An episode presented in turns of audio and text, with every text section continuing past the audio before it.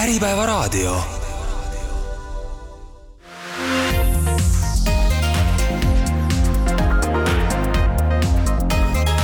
Trinity eetris alanud on jälle Trinity eetris ja mina olen saatejuht Gregor Alaküla. täna räägime me andmekaitsest ja täpsemalt isikuandmete kaitse üldmäärusest, mis on viis ja pool aastat saanud kehtida ja juttu tuleb sellest, kus ettevõtjad siis peamiselt reeglite vastu eksivad ja teeme selgeks, kuidas neid eksimusi vältida. nagu siin saates juba kohane, siis räägime ka trendidest ja kohtulahenditest, mis siis maailma meediaveergudele jõudnud on, ehk sellest, kui suured on need tehnoloogiahiiglaste miljarditrahvid ja mida siis meie ettevõtjatel nende eksimustest õppida on. külalised jagavad meil ka täna soovitusi andmetöötlejatele ja andmekaitsespetsialistidele ettevõtetes. ja külas on Trinity advokaat Maarja Lehemets, tere! tere! ja rahapesuvastase tehnoloogiaettevõttes Salv andmekaitsespetsialist Silja Hunt, tere! tere! Salv on ettevõte, mis tegutseb finantstehnoloogia valdkonnas ja aitab siis pankadel võidelda rahapesuga. ja selles valdkonnas on see isikuandmete kaitsmine eh, kui ka täpne isikutuvastus väga oluline. Silja, teie ametinimetuseks on andmekaitsespetsialist, milles teie töö seisneb? jah, tere, tere kõigile et võib-olla ma natukene parandaks, et äh, Salv, küll meie suured ja põhilised kliendid on pangad, aga, aga me kindlasti vaatame palju laiemalt ja ja meie kliendid on ka väiksemad makseasutused, äh, finantstehnoloogia ettevõtted, nii et äh, kõik ettevõtted, kelle mureks on rahapesu äh,, pettused nii et äh, meie platvorm aitab siis ka natukene laiemat ampluaad ettevõtteid ja andmekaitse poole pealt on tõesti väga huvitav olla rollis, kus ettevõte tõesti huvitub ähm, väga ka sellest, et andmekaitse oleks tagatud. ja see on muidugi igati loogiline, pankadel on äh, väga tugevad regulatsioonid, klientide isikuandmete hoidmine on ülimalt tähtis, nii et, äh, et, et Salv võtab tõesti seda väga, väga hoolega seda, seda kohustust. ja minu igapäevatöö ähm, hetkel oleneb siis põhi, põhiliselt sellest, et teha kindlaks, et meie platvorm ja tehnoloogia vastab siis äh, GDPR nõuetele ja aitaks siis äh, pankasid ja teisi makseasutusi ka samuti oma kohustuste täitmisel. et meie Salvena pakume neile põhimõtteliselt lihtsalt platvormi, äh, üldiselt me näiteks Bridge tootes isikuandmetele ligi ei pääse, sest meil selleks otseselt vajadust ei ole aga, aga me lihtsalt pakume neile kõiki võimalusi, et nemad platvormi kasutades siis oleksid äh, isikuandmekaitse regulatsioonidega kooskõlas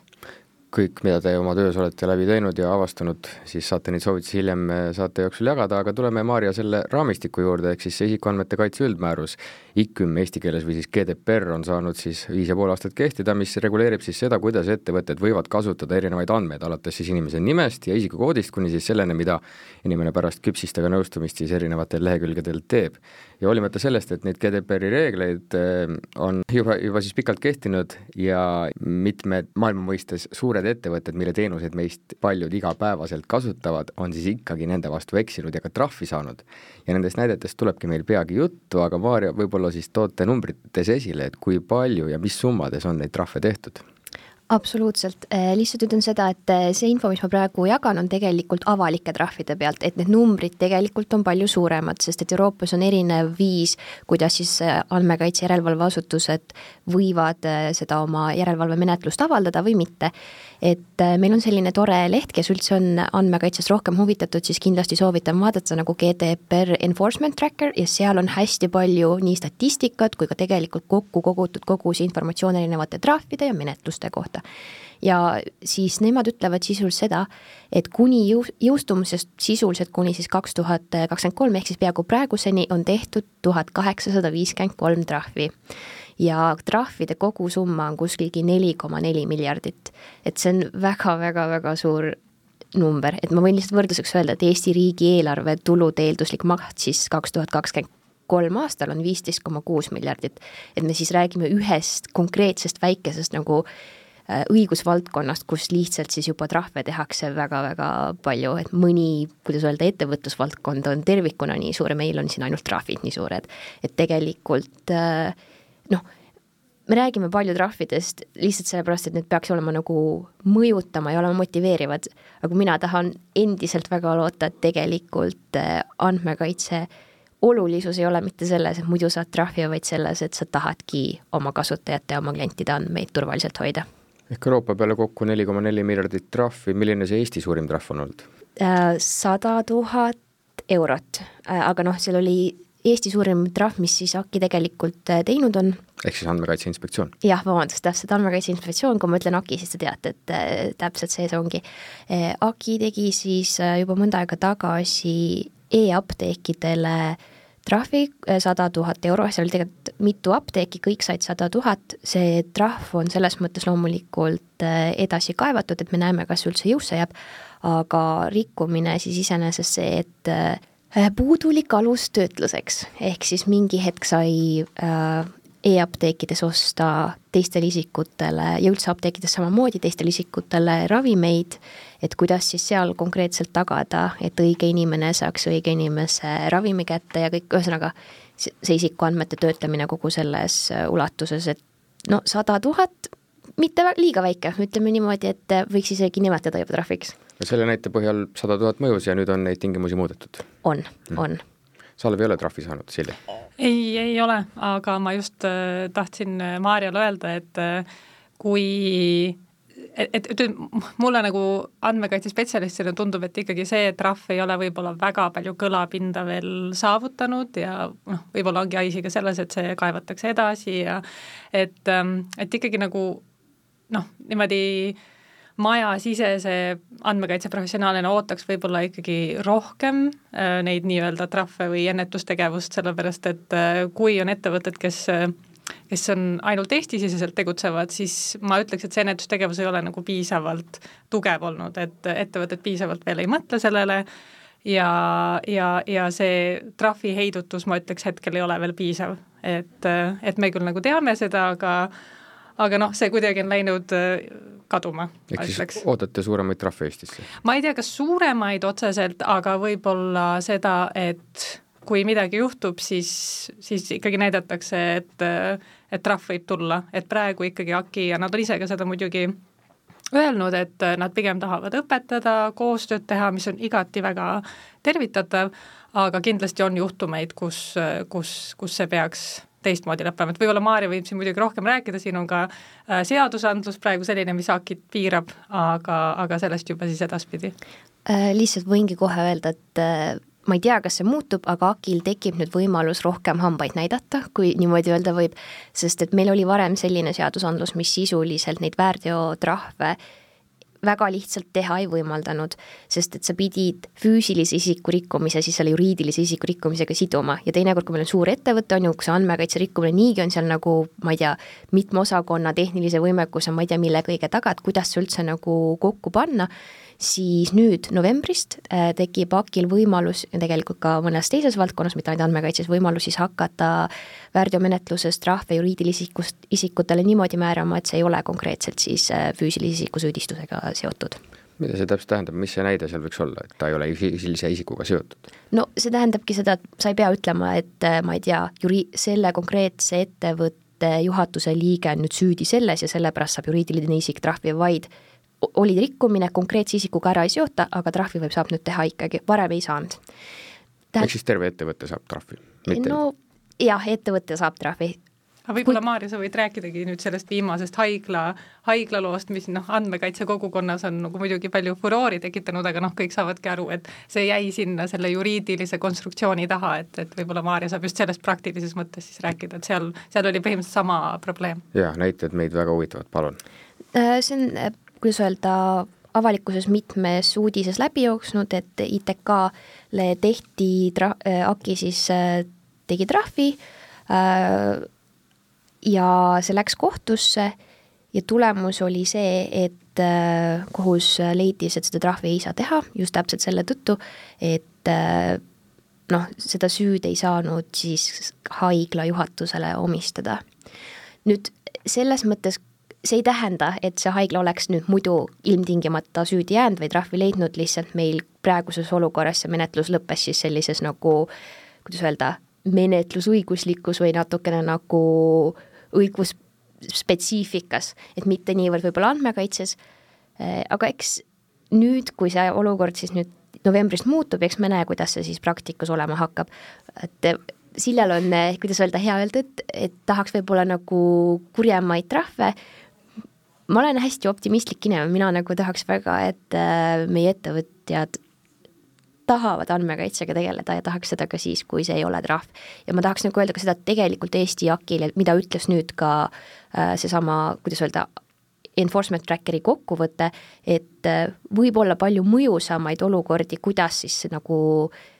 ettevõtjaid motiveerida andmekaitsega tegelema, see ei pea olema alati trahv, näiteks on Andmekaitseametitel õigus keelata töötlemine. Mõnes olukorras võib see olla hoopis mõjusam, näiteks sa ütled ettevõttele, okei okay,, sul ei ole asjad korras, aga nüüd sa ei, peadki oma operatsiooni senikauaks kinni panema, kui sa korda teed. ja ma arvan, et see on väga-väga mõjus, et nagu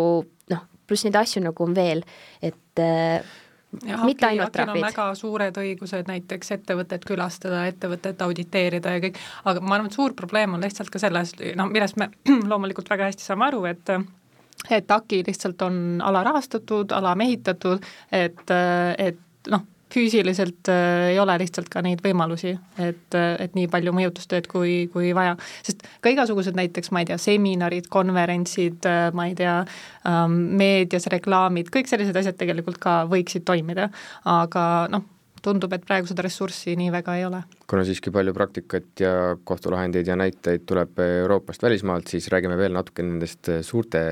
trahvimisest ja lubasime saate alguses rääkida sellest, kuidas see siis võib ikkagi meie kohalikke ettevõtjaid eh, mõjutama hakata, vaatasin lühidalt, et eh, nii Amazon, Meta, Whatsapp, Google kui Facebook on kõik siis kümnetes või sadades miljonites viimase kolme aasta jooksul trahvi saanud on see siis nii-öelda paratamatu, et tegijal juhtub või katsetavad ettevõtted päriselt neid äh, piire? Äh, selles mõttes natuke raske on nende sisse näha, et kas see oli nagu katsetus või see siis, kuidas öelda, juhtus. no ma ei tea, võtame näiteks Whatsapp Decisioni äh,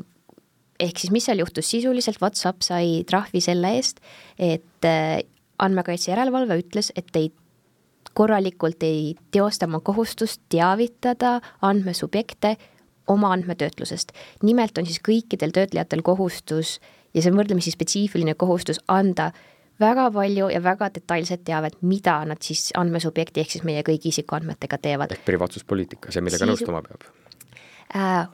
see on just huvitav asi, mis sa ütlesid, privaatsuspoliitika on õige, täpselt seal peab olema kõik kirjas äh,, aga privaatsuspoliitikale nõustumist tegelikult koguda ei tohi, ehk siis kui me räägime need linnukesed, nõustun, seal peaks olema nõustun müügitingimustega, nõustun teenusetingimustega, absoluutselt. aga privaatsuspoliitika puhul äh, seda nõustumist sinna ei ole vaja koguda, sest see on ühepoolne dokument selles mõttes. hästi, sinna spetsiifikasse tuleme hiljem tagasi, aga veel Whatsappist siis.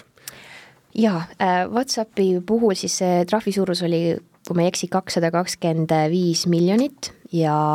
sisuliselt, mis äh, mis sealt tegelikult olulisena välja tuli, on see, et äh, kogu meie turg, mitte siis ainult Whatsapp, on, äh, kuidas öelda, sisuliselt tegelikult eksimuses ma ütleks, et tõenäoliselt ka praegu päris paljud meie enda Eesti ettevõtted, et need nõuded privaatsuspoliitikale, mis siis see äh, otsus ütleb ja see, mis meil tegelikult on, no need on ütleme niimoodi, et seal on päris suur lahknevus. näiteks võtame selle, et meil on vaja teavitada andmesubjektid konkreetsed andmekategooriad, mida töödeldakse, mis alusel neil töödeldakse ja mis need tegevused seal on. ütleme nii, kui sa lähed, vaatad ühte tavalist privaatsuspoliitikat, mida peaaegu mitte kunagi keegi ei tee, aga kui sa lähed, siis seal räägitakse tavaliselt hästi üldiselt umbes, et ma ei tea, selleks, et äh, sinuga lepingusse astuda, võib-olla seal on öeldud, et me korjame su, ma ei tea, nimi, isikukood, võib-olla mitte, lihtsalt öeldakse, et me töötleme su andmeid selleks, et sinuga lepingusse astuda, umbes punkt. see, mida tegelikult nüüd siis selle kohtuotsuse järgi vaja on, on see, et sa ütled konkreetselt kõik andmekategooriad, ehk siis ma ei tea, tuvastamisandmed, äh, dokumenditeave, siis sa ütled, mis alus, näiteks ongi lepingusse astumine, siis sa ütled, mis tegevused seal taga on, ma ei tea, tuvastamine, mingi kontroll, ehk siis sa seod kõik asjad. Ja see nagu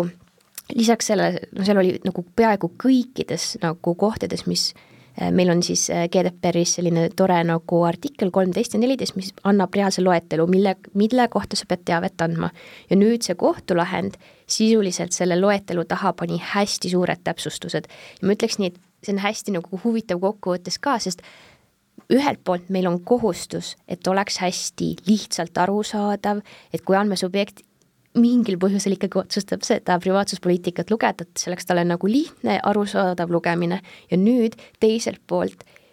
see kohustuste tükk, kõik, mis seal ära kirjeldama peab, et nagu ma ei tea, ma ütleks nii, et ma ei ole näinud äh, privaatsuspoliitikat, mis vastaks kõikidele nendele nõuetele ja oleks siis lühem kui üheksa-kümme lehekülge mm. -hmm. Silja, kui kaua Salve privaatsuspoliitika lugemine aega võtab? No meil võtab vähem, sellepärast et Salv on veel nagu küllaltki väike ettevõte, meil on paar toodet, nii et äh, hetkel see ei ole nii keeruline, küll aga just praegu, kui Maarja rääkis, siis äh, oma peas vasardasid äh, kolme aasta tagune tööelu, et ma varasemalt töötasin Boltis äh, ja just see kevad tulin sealt ära ja alustasin Salves, aga Bolt ju muidugi viimase kolme aastaga on tohutult kasvanud. Suureks, suureks ettevõtteks äh, peaaegu viiekümnes riigis, meil oli viis-kuus erinevat toodet ja see oli tohutu monstrum, mida pidi kuidagi haldama. Ja, ja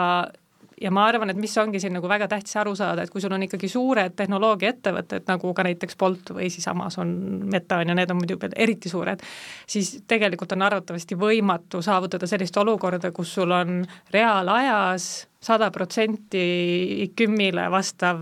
äh,, vastavad privaatsustingimused, no see on praktiliselt võimatu, sellepärast et toode areneb nii kiiresti, see informatsioon, millal mingid uued funktsionaalsused jõuavad siis andmekaitsetiimini, see võtab mitu kuud, kui need üldse jõuavad, nii et ähm, jah, parim viis, kuidas seda saavutada, et kui on võib-olla andmekaitse inimesi, kes ka väga suurtes ettevõtetes töötavad, on lihtsalt kultiveerida võimalikult palju seda andmekaitse teadmust, et ähm, õpetada neid siis tootejuhte, insenere ähm, nendest põhimõtetest aru saama, et äh, nad oskaksid ka ise vastavaid asju dokumenteerida, õigel ajal infot meieni tuua, sellepärast et kui sul töötab juba ettevõttes ikkagi tuhandeid inimesi ja see andmetöötluse maht on tohutu suur, siis jah, see on võimatu hoida tegelikult seda reaalajas ähm, sada protsenti õigena, et et mis mulle on tundunud ikkagi nagu ka kohtupraktikatest ja, ja siis nagu andmekaitse, teiste riikide andmekaitse inspektsioonide praktikast, et kui sa ikkagi suudad vähem, kui sul ei ole siis nii-öelda reaalajas kõik okei okay,, aga sa suudad näidata, et sa oled teinud kõik endast oleneva, et hoolsuskohustust täita, et sul ongi paigas mingisugused treeningud ja ähm, ma ei tea, poliitikad ja sisemised protsessid, et siis see arvatavasti annab väga-väga palju juurde, et nagu noh, et lõpuks kõik saavad aru, et see ei ole reaalsuses võimalik hoida kõik sada protsenti nii-öelda Mm, vastavuses, aga sa pead lihtsalt, selline pidev töö, et sa ei tohi nii-öelda lasta sellel minna, vaid pidev töö, et tervet organisatsiooni kaasata ja, ja ja siis võib-olla mingi hetk jah, sinna jõuda. ehk kokkuvõte sellest osast võiks olla see, et kuigi isikuandmete kaitse üldmäärus on paigas, kohtupraktika pidevalt täieneb, siis suured ettevõtted eh, peaaegu alati eh, sa täielikult õigesti neid ei täida ja kui see välja tuleb, siis on hiigeltrahvid ootamas enam, ütleme nii, samas, samas, samas ma ütleks, et kui sellel suurel ettevõttel oleks väga-väga suur huvi andmekaitset korras hoida, siis tegelikult kindlasti on näiteks võimalus kasutada mingeid tehnoloogiaid, kus ongi reaalajas, sa saad lisada neid, näed, meil on nüüd uus andmetöötlustoiming, siin määrame selle õigusliku alvuse, see info kuidagi liigub palju kiiremini tiimide vahel, no siis võib-olla sinna jõuaks äh, kiiremini, aga, aga jah, ma arvan, et vähemalt Eestis see ei ole nagu number üks prioriteet, et trahvi teema lõpetuseks, nende samade suurettevõtete puhul, kui efektiivsed need trahvid on, kui on ikkagi sada miljardit trahvi, siis sada miljonit, vabandust, siis paneb see ettevõte oma tingimusi muutma? absoluutselt, siin võib tegelikult äh, tuua nüüd väga nagu see on hästi praegu päevakohane näide ka, et Meta, kes on siin saanud mitu erinevat trahvi, nende nagu trahvi kogumaht on, ma arvan, äh, miljard pluss, on ju, äh, praegu ju on uudised selle kohta, et nad plaanivad, iseasi, kas see üldse nagu õiguslik on, kas see toimub, aga nad plaanivad Euroopa kasutajate jaoks A, kas üldsegi mitte võimaldada neid teenuseid või B, muuta siis tasuliseks. tasuliseks siis tegelikult see osa, et äh, kui sa ei maksa, siis nad võivad sisuliselt teha sulle profileerimist ja suunatud reklaami. kui sa maksad, siis sa lubad endale privaatsust ja nad ei tee seda, vähemalt väidetavalt ei tee seda sellega on nüüd, ehk siis see juba näitab nii palju trahvi, nad mõtlevad, mida teha, mulle küll tundub praegu, et nad mõtlevad, mida teha selleks, et nagu mitte saada rohkem trahvi, mitte mida teha selleks, et olla vastavuses, aga noh, ettevõtted on erinevad. Ja noh, eks see meta nagu asja puhul, eks me näe, mis saab minu enda jaoks see tunnetus nagu ma pean maksma, et saada õigust, mis mul tegelikult on ette nähtud, et ma maksan sisust ühe oma põhiõiguse eest, see on nagu minu jaoks nagu väga-väga kummaline, et äh, ma ei tea, tekib nagu tunne, et võib-olla ei tahagi metat kasutada. siin saates on meil varem ka sellest juttu olnud, et äh, see on kuidagi äraspidine loogika, et äh, vaikimisi peaks justkui saama loa anda andmetöötluseks, aga tegelikkuses tuleb see luba hoopis ära võtta. ma korra kommenteerin, et nagu suure tõenäosusega tegelikult ähm, see trahvi saamine aga kasuta- ja kasutajate usalduse kadumine on nagu korrelatsioonis ja väga omavahel seotud, et sama palju, kui on ettevõtte hirm saada trahvi, siis arvatavasti on palju kergem see raha lihtsalt ära maksta, kui see on ka väga suur summa, aga palju raskem on panna rahasse ja seda mõõta ähm, just see rahaline kahju kasutajate usalduse osas. et äh, ma arvan, et siin ka on Meta sellest kindlasti puudutatud, sellepärast et noh, Euroopas ikkagi on riike, kus andmekaitse teemad on tähtsad, inimesed huvituvad sellest ja kui on mingisugused, mingisugused siis äh, rivaalplatvormid siis ja, ja nad lubavad rohkem andmekaitset, vähemalt tunduvad, nagu nad hooliksid rohkem andmekaitsest, siis inimesed võivad selle, seda valida võtame teises pooles asja natuke täpsemalt ette, räägime sellest, milles siis täpsemalt seisnevad need andmekaitsealased rikkumised. Läheme järjest, tihti on vaja alustada siis selleks, et mis on see andmetöötluse alus, millised rikkumised selles osas? okei okay,, ma lihtsalt hästi kiirelt teen siia ette väikese kokkuvõtte, et kõige rohkem rikkumisi ongi just selles, et kas on puudulik alus või siis pole üldse alust. järgmine rikkumiste plokk on siis sisuliselt see, äh, et on eksitud andmekaitse printsiipide vastu, mis siis GDPR-is ühes äh, paragrahvis, paragrahvis viis on sellised hästi üldised printsiibid, mida peaks jälgima, miks see kõik keeruline, selleni jõuame ka kohe, siis on oluline see, et kas on informatsioonikohustus täidetud, mida me just tegelikult rääkisime, et need Whatsappi trahv selle informatsioonikohustuse rikkumise osas oligi, ja siis on juba, läheb nagu, kuidas öelda, see trahvide arv ja summad lähevad natuke väiksemaks, me räägime andmesubjekti õiguste mittevõimaldamisest ja nende rikkumisest, ja siis juba läheb nagu selliseks, kuidas öelda, palju väiksemaks, et andmetöötluslepingud polnud korrektsed või ei tehtud järelevalvega koostööd, et äh, tegelikult see statistika nende trahvi äh, rikkumiste aluste järgi jookseb ja täiesti õigus, kõige olulisem on siis olnud senimaani see aluse puudumine. rääkides nüüd alusest, äh, GDPR tegelikult annab kuus võimalikku alust töötlejale, ütleme nii, et ühele tavaettevõttele neist kõik ei olegi üldse kohased, kohaseks jääb, meil jääb see nõusolek, millest me oleme siin juba isegi natuke rääkinud, et kas on linnukene või ei ole, on ju, meil on leping, ehk siis noh, kui ma konkreetsete andmesubjektiga lepingusse astun, siis selle lepingu täitmiseks, kontrolliks mul on kindlalt mingisuguseid isikuandmeid vaja siis on üks äh, hästi tore alus, mis on mu isiklik selline lemmik, on õigustatud. kõigi lemmik. kõigi lemmik ja on selline asi nagu õigustatud huvi. ehk siis see on nagu selline vahva tekk, mis peaks ära katma kõik need olukorrad, mis nagu muude aluste alla ei sobi, aga selle konkreetse aluse kasutamiseks on hästi palju lisatingimusi, sa pead koostama õigustatud huvihinnangu äh, ja see õigustatud huvihinnang ei ole nii, et ma kirjutan kaks lauset, et olen ettevõtja, tahaks raha teenida, võib küll, et see niimoodi ei tööta, et see ütlen neid oma praktikast ka Eesti siis AKI-ga andmekaitse järelevalvega, et see, mida nad tahavad näha ühes õigustatud huvihinnangus, ma päris ütlen ausalt, et ma ei tea, kuidas üks ettevõte, kellel pole A, kas kasutatud advokaati, juristi või kellel pole enda majasisest äh, andmekaitse nagu inimest, no ta ei oskagi seda teha, seal on nii spetsiifiliselt hinda ühe andmesubjekti põhiõigusi privaatsusriives ja siis nagu pane kaalu selle vastu nagu ühe ettevõtte mingeid ärihuvisi ja kõik mingisugused turvaelemendid ja asjad, et see on nagu väga-väga spetsiifiline, et lemmikalus küll, muidu teoorias võiks päris paljudes kohtades kasutada, aga reaalselt, et seda kasutada, peab päris korraliku nagu hinnangu läbi viima. Äh, nii, mis me mõtleme ka, nõusolek, leping, õigustatud huvi ah,, pluss siis seadus, mis on, äh, kui seadus konkreetselt kohustab mingeid asju tegema ja selle konkreetse asja tegemiseks on konkreetselt just neid andmeid vaja, siis seal sa võid seadust kasutada. et lihtsalt ütlen siin seda ka, et seesama WhatsApp decision ütleb, et me peame vaata ilusti privaatsuspoliitikas ära kirjeldama kõik selle, et mis alusel sa mingeid andmeid töötled, nüüd ta täpsustas veel seda, et kui sa kasutad seadust, siis sa pead välja tooma ka, mis konkreetset seadust sa kasutad, missugust paragrahvi, mis, mis see on nagu, mille peale sa nagu oma töötluse paned. et äh, nüüd, kui me räägime, et see rikkumine on siis see, et pole alust või see alus on puudulik, kuidas seda vältida? sisuliselt äh, üks ettevõte peaks teadma, mida ta isikuandmetega teeb, ta sisuliselt esimene asi võib-olla oleks teha andmekaitse audit, saada üleüldse ülevaade, mis ettevõttes isikuandmetega toimub, missugused on need tegevused.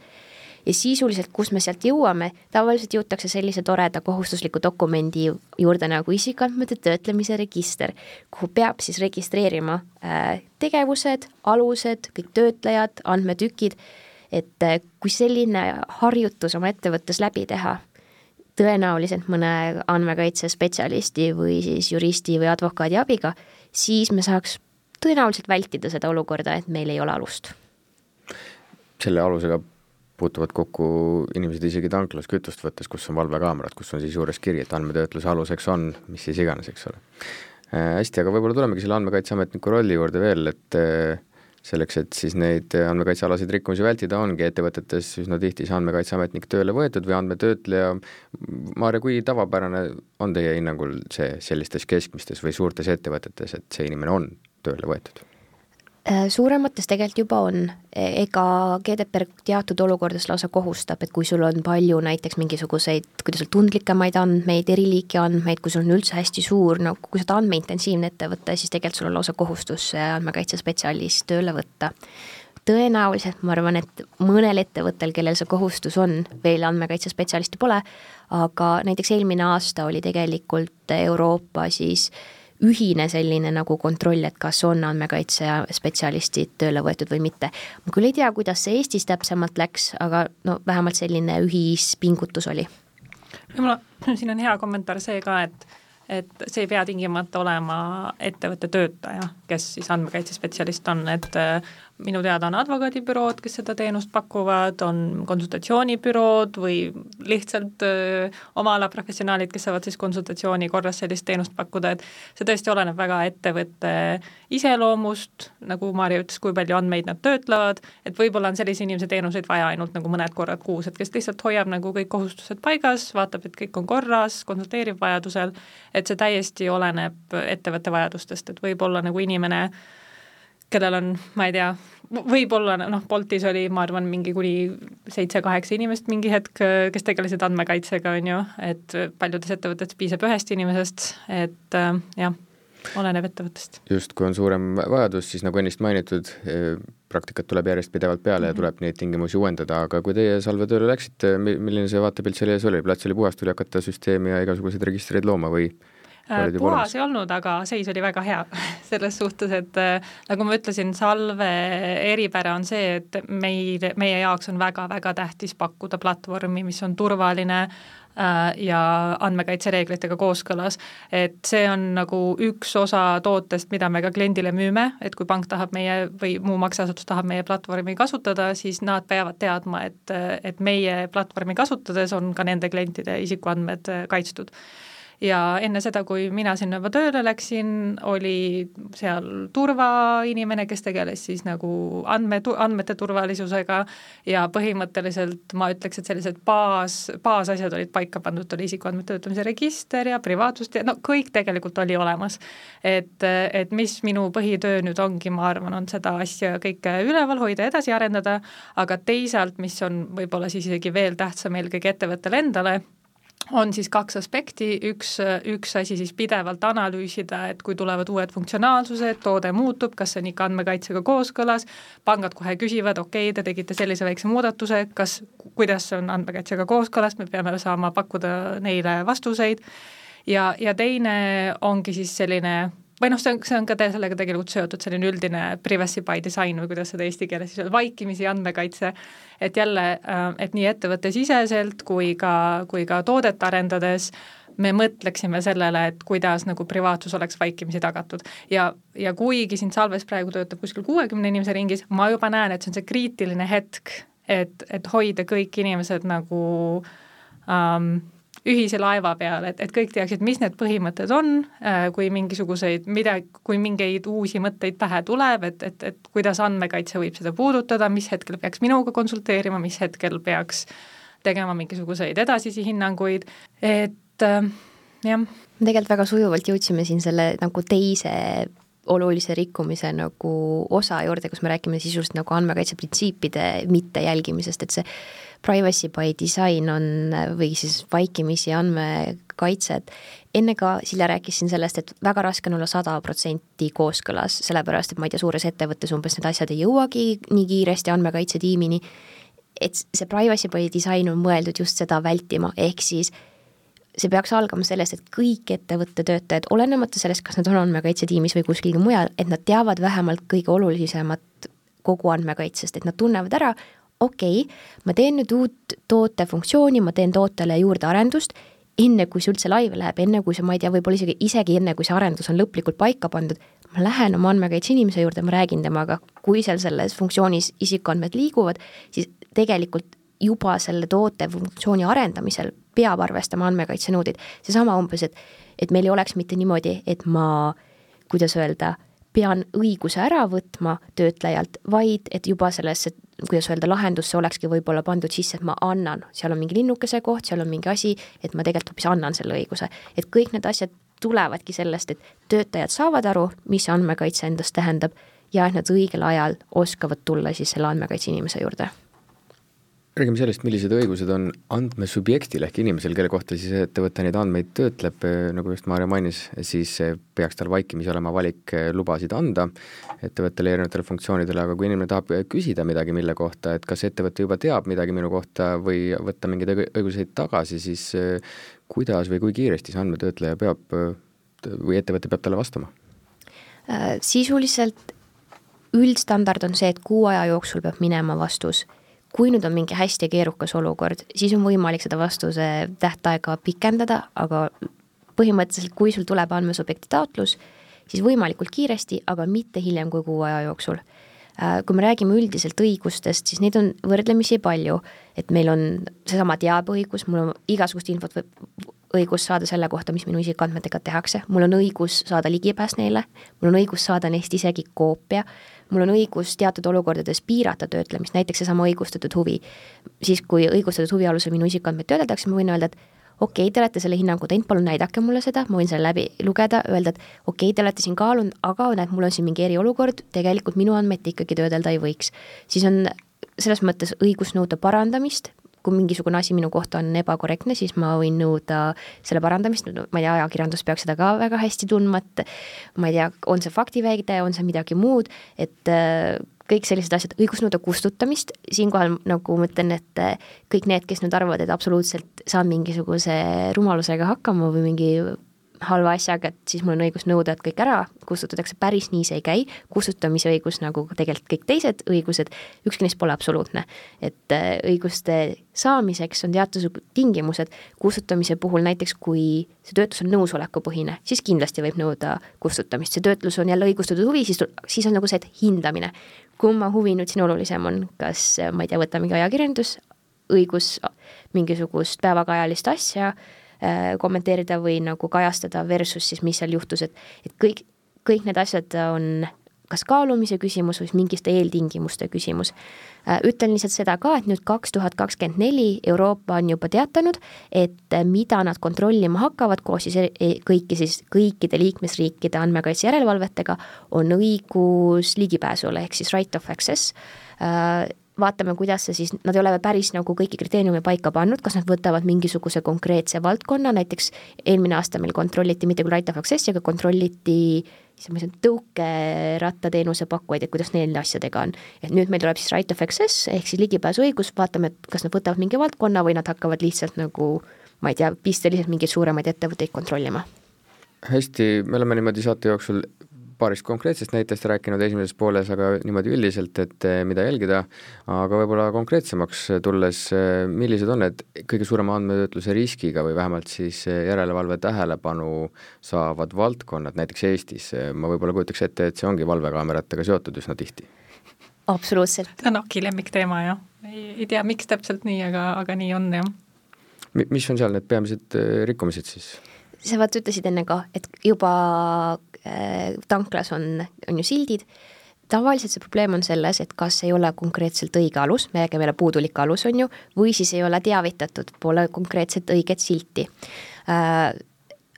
nüüd, kuidas teha kon-, korrektselt asju, kui me räägime valvekaameratest, siis peaaegu alati on õige alus õigustatud huvi, väga harva võib olla mingi seadusest tulenev kohustus või asi, aga ma ütlen, sisult üheksakümmend kaheksa protsenti ajast alus on õigustatud huvi. nagu me enne ütlesime, õigustatud huvi eeldab, et sul on tehtud õigustatud huvihinnang.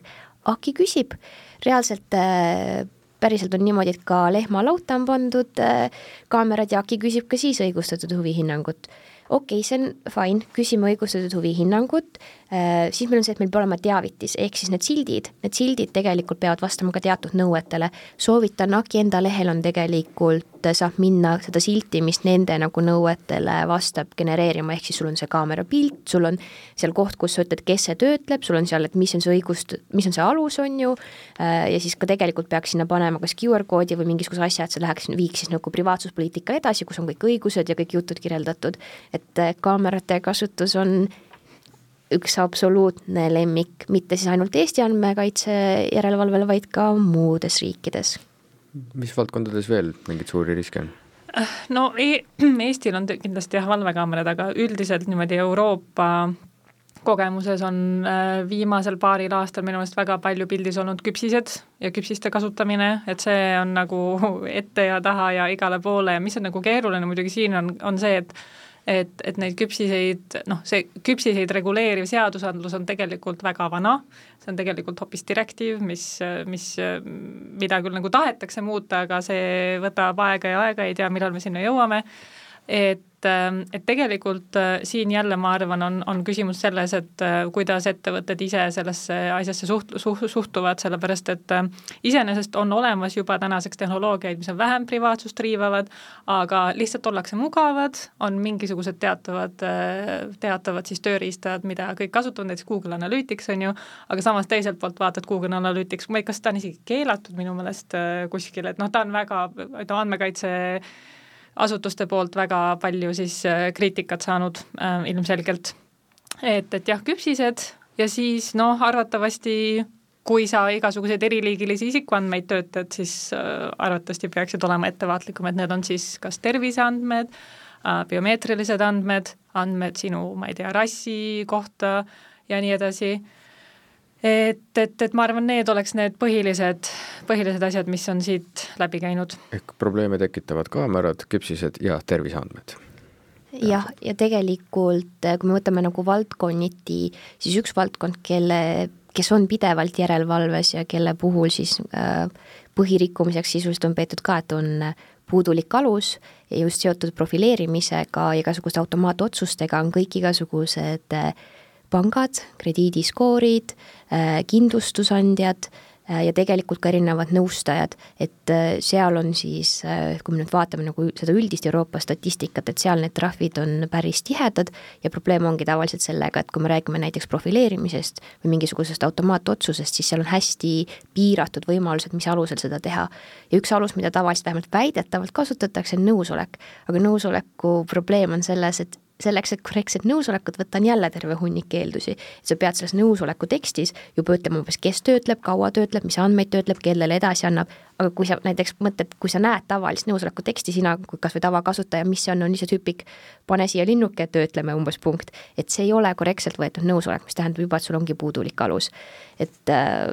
noh, siis kui me liigume sellest edasi, meil on okei okay, ter, tervishoid on ju see, siis meil on äh, koht, kus tihtipeale veel on äh, rikkumisi, on siis igasugused hotellid äh,, niisugune nagu noh, huvitav koht küll, aga seal on ka sama, me jõuame tavaliselt ka kaamerate juurde või siis me räägime sellest, et sul on mingi online lahendus, kuidas registreerida ennast, ma ei tea, ööbima, et, et need on kuidagi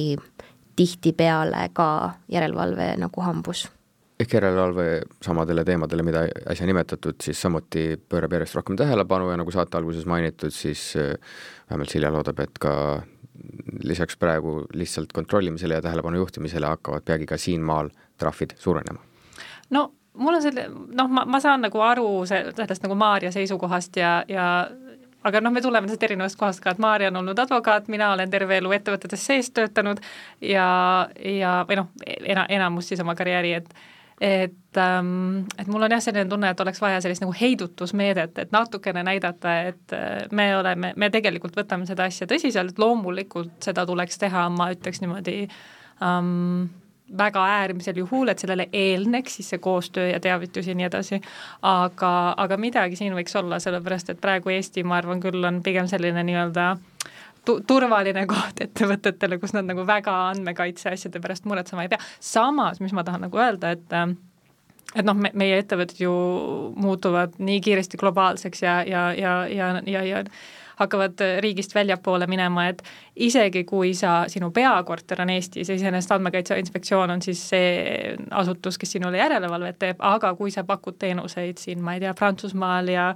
ja Belgias ja Hollandis ja Ungaris ja kus iganes mujal, siis hakkavad nende riikide andmekaitseasutused võtma Eesti andmekaitseasutusega ühendust, et mis toimub, et see ettevõte siin ei järgi päris reegleid, et palun tegelege. et, et seda ma olen nüüd ka aru saanud, et tegelikult Andmekaitse Inspektsioonil on käed-jalad tööd täis hetkel ka sellega, et nad siis tegelevad teistest Euroopa Liidu riikidest tulenevate kaebustega. ja ma arvan, et noh, ma ei tea, kas me veel sellest räägime, aga kui nagu tulevikku vaadata, et ma ei arva, et nüüd küll GDPR-i siin kuidagi tohutult muutma, et iseenesest see töötab hästi, see on selline põhimõtte tasandil ja ja ta on suhteliselt paindlik ja hästi-hästi kasutatav, aga mis on, ma arvan, kõige suurem pudelikael, ongi just see liikmesriikide vaheline koostöö,